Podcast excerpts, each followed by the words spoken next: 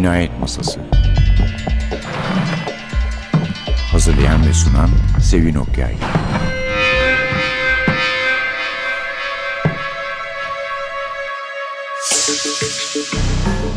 Merhaba, NTV Radyo'nun Cinayet Masası programına hoş geldiniz. Bu hafta elimizde bir kitap var ama aslında beş kitabı kastederek yapıyoruz bu programı. Çünkü Tom Ripley geri dönüyor. Patricia Highsmith'in unutulmaz kahramanı, anti kahramanı daha doğrusu Tom Ripley 5 kitabıyla birlikte can yayınlarında. Bunların bir tanesi de ilk kez çevrildi. Tom Ripley'in bu kadar çok ilgi çekmesinin ve unutulmamasının başlıca sebeplerinden biri de gerçek bir anti kahraman oluşudur mutlaka ve yazarının da onu suçlayarak ya da yargılayarak değil basbayağı sempatiyle yaratmış ve yazmış olmasıdır. Şimdi bu beş kitap Replay dizisi. Daha önce dört tanesini biliyorduk bunların. Replay ve peşindeki çocuklar tamamlandı. Beş kitaplık bir dizi halini aldı ve ilk defa bir bütün olarak dizide Türkçe'ye çevrilmiş oldu.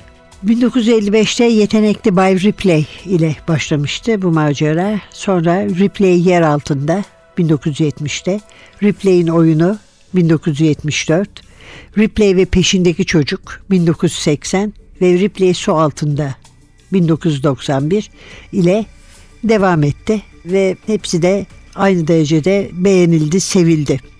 Ama herhalde yetenekli Bay Ripley, The Talented Mr. Ripley ilk kitap bunların içinde en fazla etki yaratandır, en etkili olanıdır. Biraz tabii bir önceki kitap oldu ve bizi şaşırtan bu kahramanla ilk kez karşılaştığımız için Gerçi ben daha sonraki halini, daha büyümüş halini, Fransa halini daha çok severim Ripley'in ama bir de filmler sayesinde. Patricia Highsmith zaten yönetmenler tarafından özellikle Avrupalı yönetmenler tarafından çok beğenilen bir yazardır. Kitaplarını sinemaya uyarlarlar. Bu kitapta kaç kere uyarlandı bilmiyorum aslında ama çok net olarak hatırladığım iki tane uyarlaması var. Bir tanesi Alain Delon ve Maurice Ronet'in oynadıkları René Clement filmi Plain Soleil İngilizce adı Purple Noon.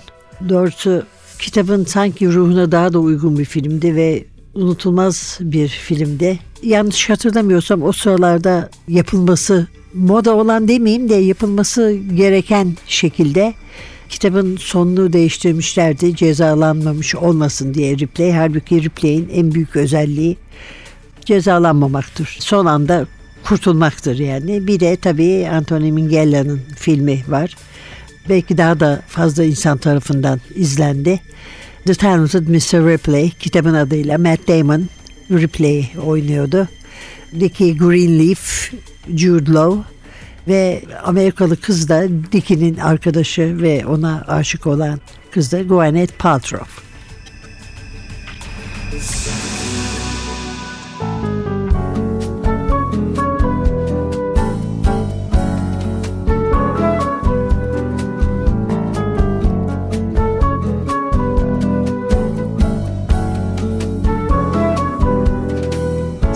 Si bon Lovers say that in France when they thrill to romance. It means that it's so good. C'est si bon. Though I say it to you like the French people do, because it's all so. Every word every sigh, every kiss, dear, leads to only one thought, and it's this, dear, c'est si bon. Nothing else can replace just your slightest embrace, and if you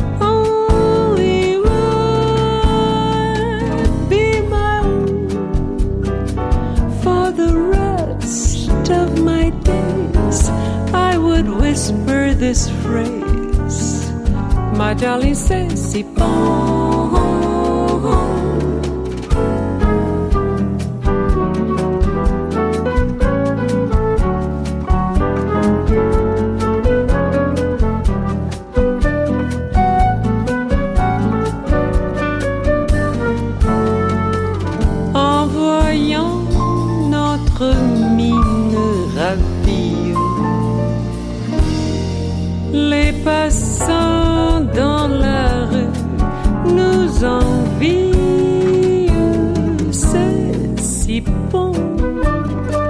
De guetter dans ses yeux un espoir merveilleux qui donne le frisson.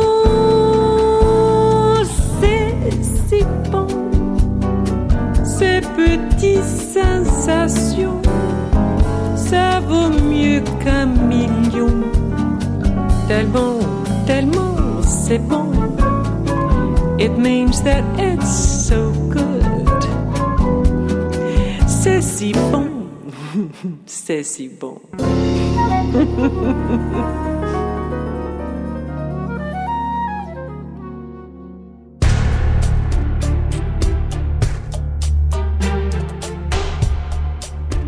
Tom Ripley olduğunuzdan tam olarak emin olamamıştım dedi Bay Greenleaf. Sizi daha önce sadece bir kez görmüştüm sanırım. Bir keresinde Richard'la birlikte bizim eve gelmemiş miydiniz? Evet, galiba gelmiştim. Shriver'larda bana sizi tarif ettiler. Hep birlikte size ulaşmaya çalışıyorduk. Çünkü Shriver'lar onların evinde buluşmamızı istiyorlar. Birisi onlara ara sıra Green Cage barına gittiğinizi söylemiş. Sizi ilk defa bu akşam aramaya çıkmıştım. Şanslıymışım. Gülümsedi. Geçen hafta size bir mektup yazmıştım ama belki de mektubu almadınız. Hayır almadım. Mark postalarımı getirmiyor olmalı diye düşündü Tom. Kahrolası herif. Belki de Duty teyzeden bir çek gelmişti. Bir hafta kadar önce taşındım diye ekledi. Aa anladım. Mektupta fazla bir şey yazmamıştım. Sadece sizi görmek ve konuşmak istediğimi yazdım. Shriver'lar Richard'ı iyi tanıdığınızı söylediler. Onu hatırlıyorum, evet. Fakat artık onunla yazışmıyor musunuz? Bay Greenleaf düş kırıklığına uğramış gibi görünüyordu. Hayır, son birkaç yıldır Dicky ile görüşmedik. İki yıldır Avrupa'daydı. Shriver'lar sizden övgüyle söz ettiler. Ve Richard'a yazarsanız onun üzerinde etkili olabileceğinizi söylediler. Onun eve dönmesini istiyorum. Burada sorumlulukları var. Fakat şu sıralar annesiyle benim ona söylediklerimize kulak asmıyor. Tom şaşırmıştı. Shriver'lar tam olarak size ne söyledi? Belli ki biraz abartmışlar ama Richard da sizin yakın arkadaş olduğunuzu söylediler. Baştan beri onunla yazıştığınızı düşünmüş olmalılar. Görüyorsunuz ya artık Richard'ın pek fazla arkadaşını tanımıyorum. Tom'un bardağına şöyle bir göz attı. Ona en azından bir içki ısmarlamak istiyor gibiydi. Ama Tom'un bardağı doluydu.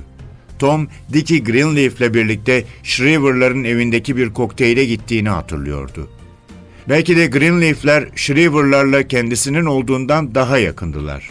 Tom, Shriver'ları hayatında en fazla 3-4 kez görmüştü çünkü. Son görüşmelerinde Charlie, Shriver'ın gelir vergisini düzenlemesine yardım etmişti. Charlie televizyon yapımcısıydı ve serbest işlerinden elde ettiği gelirleri yüzüne gözüne bulaştırmıştı. Tom rakamlarla oynayıp onun gelir vergisini düşününce Charlie Tom'un bir dahi olduğunu düşünmüştü. Belki de Tom'u Bay Greenleaf'e bu yüzden tavsiye etmişti. Kim bilir? Charlie o akşama bakarak Bay Greenleaf'e Tom'un zeki, mantıklı, son derece titiz, dürüst ve yardımsever biri olduğunu söylemiş olabilirdi. Ama bunda yanılıyordu.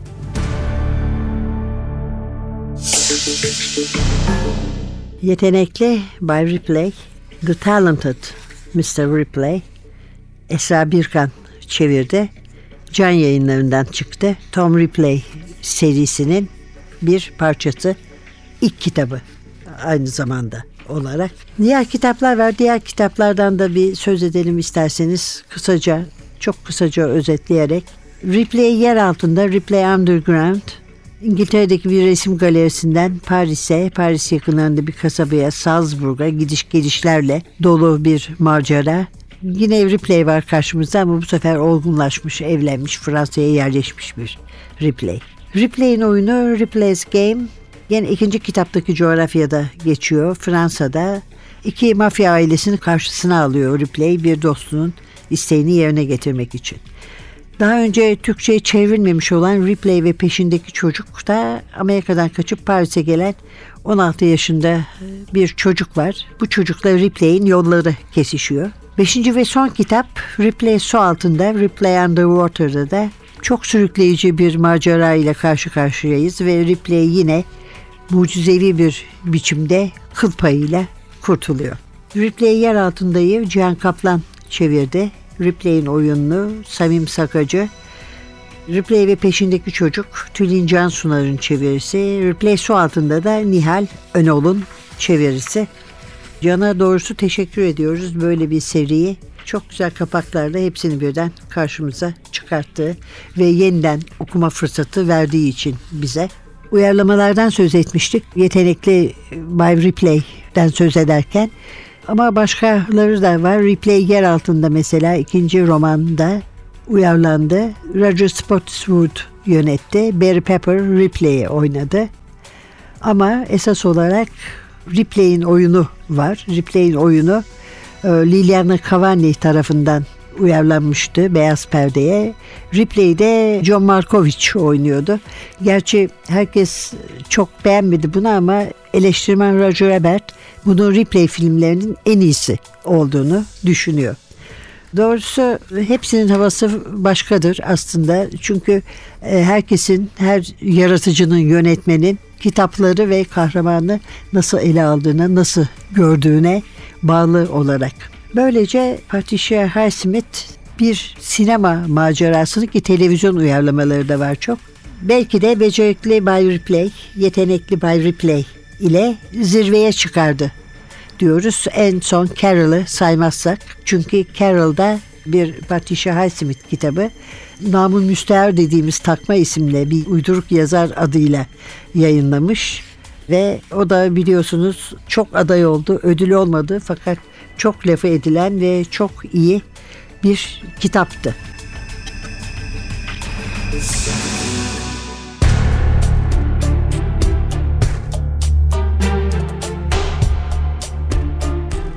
Tom başlıca hatasının hiçbir işte fazla sebat etmemek olduğuna karar verdi.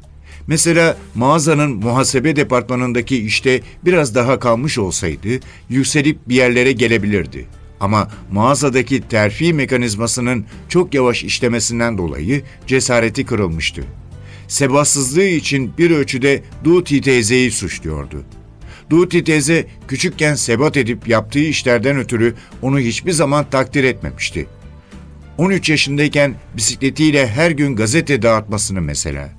Oysa gazete ona nezaket, hizmet ve güvenilirlik konusunda gümüş madalya vermişti. O zamanlardaki halini hatırlamak başka birine bakmak gibiydi. Sürekli burnu akan, zayıf ve çelimsiz zavallı bir çocuk olmasına rağmen yine de nezaket, hizmet ve güvenilirlik madalyası almayı başarmıştı. Soğuk algınlığına yakalandığı zaman Duty teyze ondan nefret eder, eline bir mendil alıp burnunu koparırcasına silerdi. Tom bunu düşünürken şezlongunda acıyla kasıldı. Fakat belli etmemek için pantolonunun kırışıklarını zarif bir şekilde düzeltiyormuş gibi yaptı. Daha 8 yaşındayken Duty teyzeden kaçıp kurtulacağına dair ettiği yeminleri, bu esnada yaşanacak vahşi mücadeleleri hayal ettiğini hatırladı. Duty teyze onu evden salmayacak, bunun üzerine Tom onu yumruklayarak yere devirecek, boğazını sıkacak, en sonunda da elbisesine takılı broşu söküp alarak milyonlarca kez boğazına saplayacaktı. 17 yaşındayken evden kaçmış, geri getirilmişti. Aynı şeyi 20 yaşında denediğinde bu kez başarmıştı. Şaşırtıcı ve acınası derecede safmış. Hayatı hiç tanımıyormuş meğer. Zamanını Duty teyzeden nefret ederek ondan kaçıp kurtulma planları yaparak harcadığı için öğrenmeye ve büyümeye vakit bulamamış sanki. New York'taki ilk ayında depodaki işinden kovulunca nasıl hissettiğini hatırladı. Bu işte iki hafta bile tutunamamıştı. Çünkü günde 8 saat boyunca portakal sandıklarını kaldırmaya gücü yetmiyordu. Yine de işi kaybetmemek için dişini tırnağına takıp çalışmıştı. Onu işten atmalarının ona ne kadar da zalimce geldiğini hatırladı. O zamanlar dünyanın Simon Legree gibilerle dolu olduğuna ve eğer depoda birlikte çalıştığı diğer işçiler gibi bir hayvan olmazsa, goril gibi sert ve dayanıklı olmazsa insanın açlıktan ölmeye mahkum olduğuna karar verdiğini hatırladı. Hemen ardından bir pastane tezgahından ekmek çaldığını, eve götürüp onunla karnını tıka basa doyurduğunu, dünyanın ona bir ekmekten daha fazla borcu varmış gibi hissettiğini hatırladı.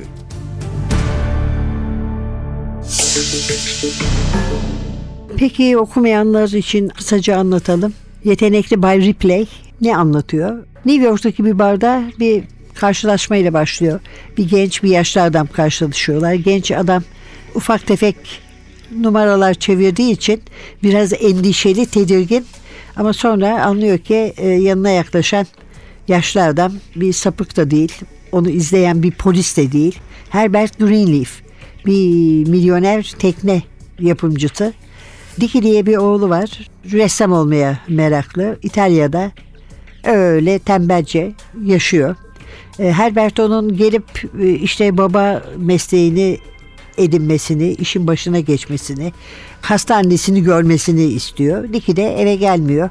Onun için Herbert elde ettiği istihbaratla Ripley'i bulmuş. Arkadaşı olduğunu düşünüyor, iyi arkadaşı olduğunu.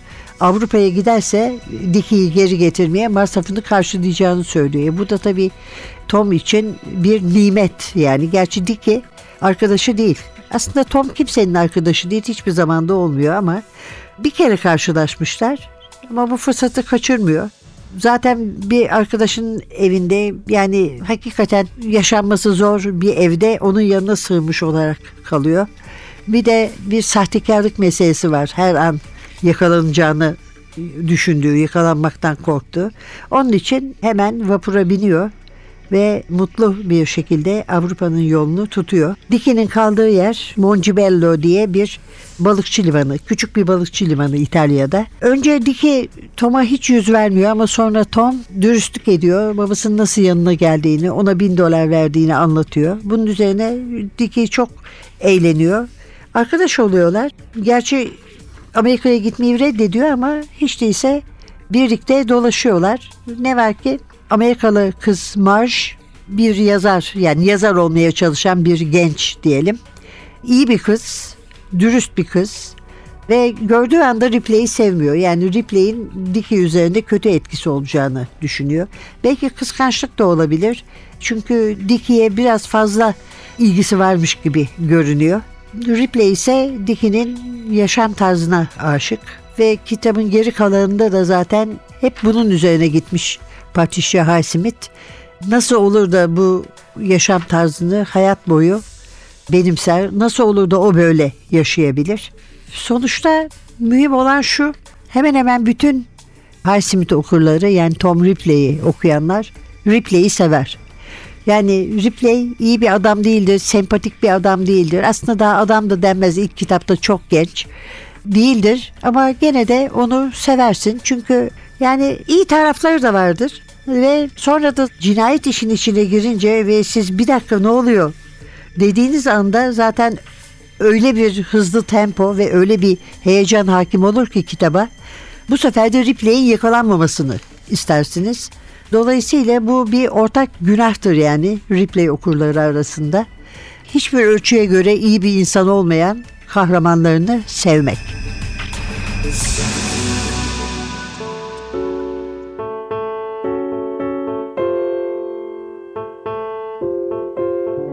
I walked away from my old world with wounds to heal.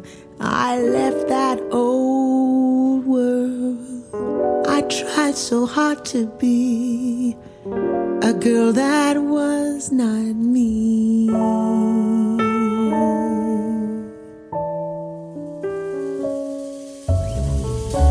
You changed my world, so I love you. Although I'm pleased I'd like to kill must have a plan. Now I've got my man, my man.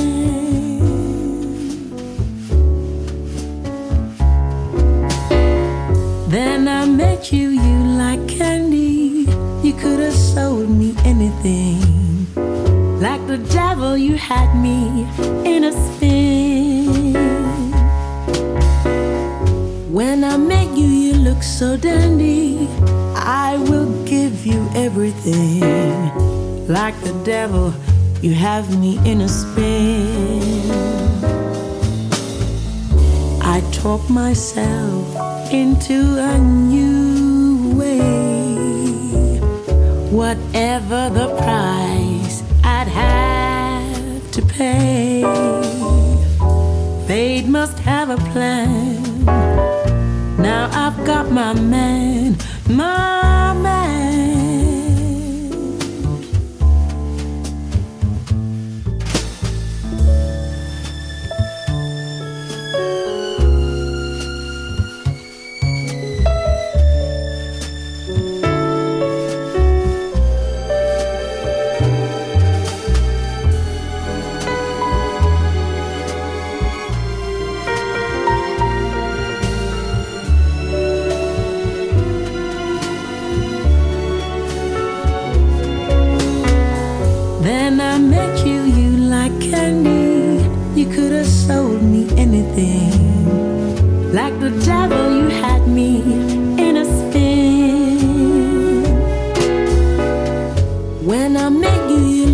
dandy. I will give you everything. Like the devil, you have me in a spin.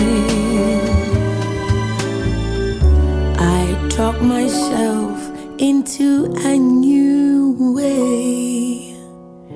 Whatever the price, I'd have to pay. Fate must have a plan. Now I've got my man, my man.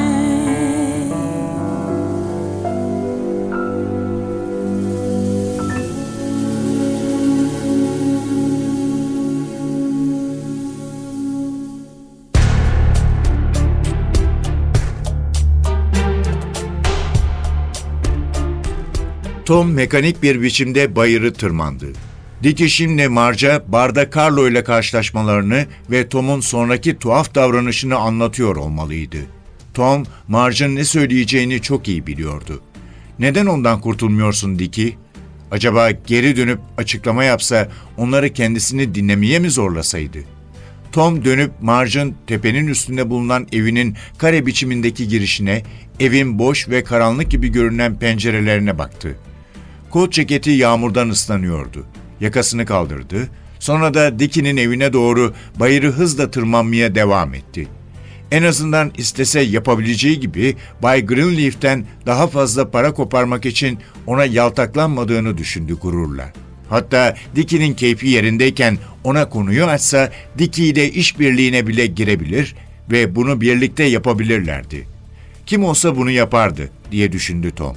Ama o yapmamıştı ve bu da bir şeydi. Terasın köşesinden belli belirsiz ufuk çizgisine bakarken hiçbir şey düşünmüyor, rüyadakine benzer bir kaybolmuştuk ve yalnızlık duygusu dışında hiçbir şey hissetmiyordu. Dicky ile Marge bile çok uzaklarda kalmıştı. Ne konuşuyor olabilecekleri de önemsiz görünüyordu. Tom yalnızdı. Tek önemli olan şey buydu. Bel kemiğinin ucunu ve kalçalarını uyuşturan bir korkuya kapıldı. Bahçe kapısının açıldığını duyunca döndü, Diki gülümseyerek geliyordu. Ama bu Tom'a nezaketen zorlama bir gülümseme gibi geldi. Yağmurun altında durmuş ne yapıyorsun öyle diye sordu Diki, hol kapısından içeri sığınarak. Yağmur iyi geldi dedi Tom keyifle. Sana bir mektup var. Zarfı Diki'ye uzattı, Bay Greenleaf'ten gelen mektubu da cebine soktu. Tom ceketini holdeki dolaba astı. Dicky sonunda mektubu onu yüksek sesle güldüren bir mektuptu bu. Okumayı bitirdikten sonra Tom, sence Marge bizimle Paris'e gelir mi diye sordu. Dicky şaşırmış görünüyordu. Bence gelir dedi. O zaman bir sor bakalım dedi Tom neşeyle. Paris'e gitmeli miyim bilmiyorum dedi Dicky. Birkaç günlüğüne bir yerlere kaçmak iyi olur ama Paris bir sigara yaktı. Sanremo hatta Cenova'yı yeğlerim. Cenova bayağı güzel bir yer.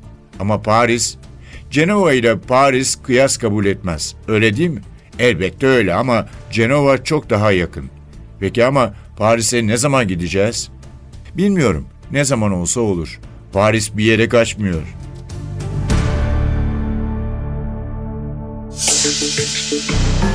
Bir önceki bölümü özet olarak Tom Ripley sevilen psikopatla tamamlamıştık. Patricia Highsmith için bilmiyorum psikopat demek terbiyesizlik olur ve tuhaf kaçar mı? Ama sevilme konusunda yani emin olduğum bir şey var ki sevilen biri değildi en azından. Gerçi anlatana göre, söyleyene göre, bakış açısına göre değişiyor ama mesela yayımcısı Otto Penzler hain, zalim, sert, sevilmez, sevmeyen bir insandı diyor. Ve bir insanın nasıl bu kadar çirkin olabileceğini de hiç anlayamamışımdır diye ekliyor ama şöyle bir şey söylemek isterim. Patricia Highsmith'in gençlik resimleri belli bir yaşa kadar vahşi bir güzellik yansıtıyor. Yani bu resimlerin tam karşısına ileri yaşlardaki halinin bir resmini koysanız aynı insan olduğunu anlayamazsınız. Bir de kemik hastalığından gelen bir kamburluk var ileri yaşlarda. Ama buna karşın editörü ve Knopf'tan çıkan romanlarını yayınlayan Gary Fiskett John çok zor bir insandı ama aynı zamanda açık sözlüydü komikti ve onunla birlikte olmak çok hoşunuza giderdi diyor. Highsmith'in ikinci kitabı The Price of Salt'ı Carol filmi ne çeviren, uyarlayan Phyllis Nagy ise genç bir yazar olarak Highsmith'in ona çok tatlı ve çok cesaret verici bir şekilde davrandığını ve çok ama çok komik olduğunu söylüyor. Demek ki dediğimiz gibi bakışa göre değişiyor. Mary Patricia Plankman asıl adıyla 1921 doğumlu. O doğmadan 10 gün önce annesiyle babası boşanmış. O da annesiyle ve daha sonra üvey babasıyla birlikte New York'a gitmiş. 12 yaşındayken büyük annesinin yanına yollamışlar bir yıl onunla yaşasın diye. Bunu hayatının en kötü, en acı, hüzünlü yılı olarak değerlendiriyor. Çünkü kendini annesi tarafından terk edilmiş hissetmiş.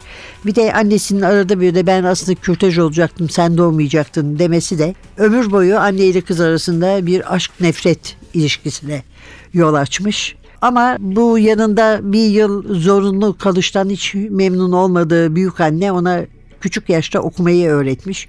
Büyük de bir kütüphanesi varmış ve hemen okumaya başlamış Patricia. Sonra da zaten tahsilinde İngilizce kompozisyon, oyun yazma ve kısa hikaye üzerine yaptı Burnett College'da. Sonra mezun olunca belli başlı dergilerde çalışmak üzere başvurdu ama başarı sağlayamadı. Sonra esas yani kurtuluşu diyelim dikkati çekmesi Alfred Hitchcock sayesinde.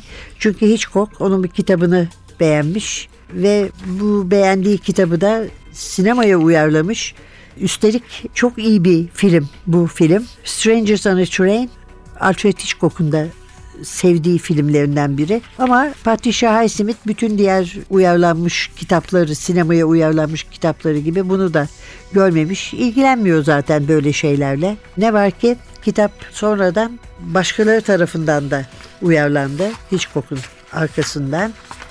Kimler mesela? Richard Starr Bir Yabancıyı Öpünce, Once You Kiss a Stranger ve Danny DeVito Throw Mama from the Train.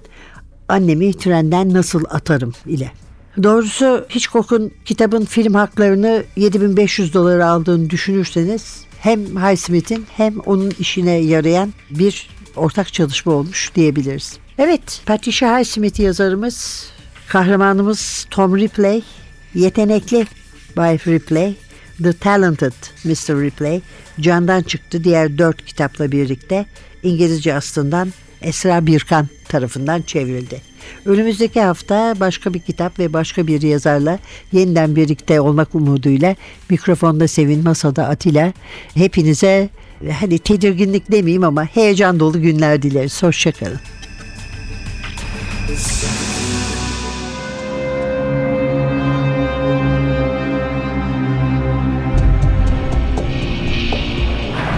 Cinayet Masası. Hazırlayan ve sunan Sevin Okyay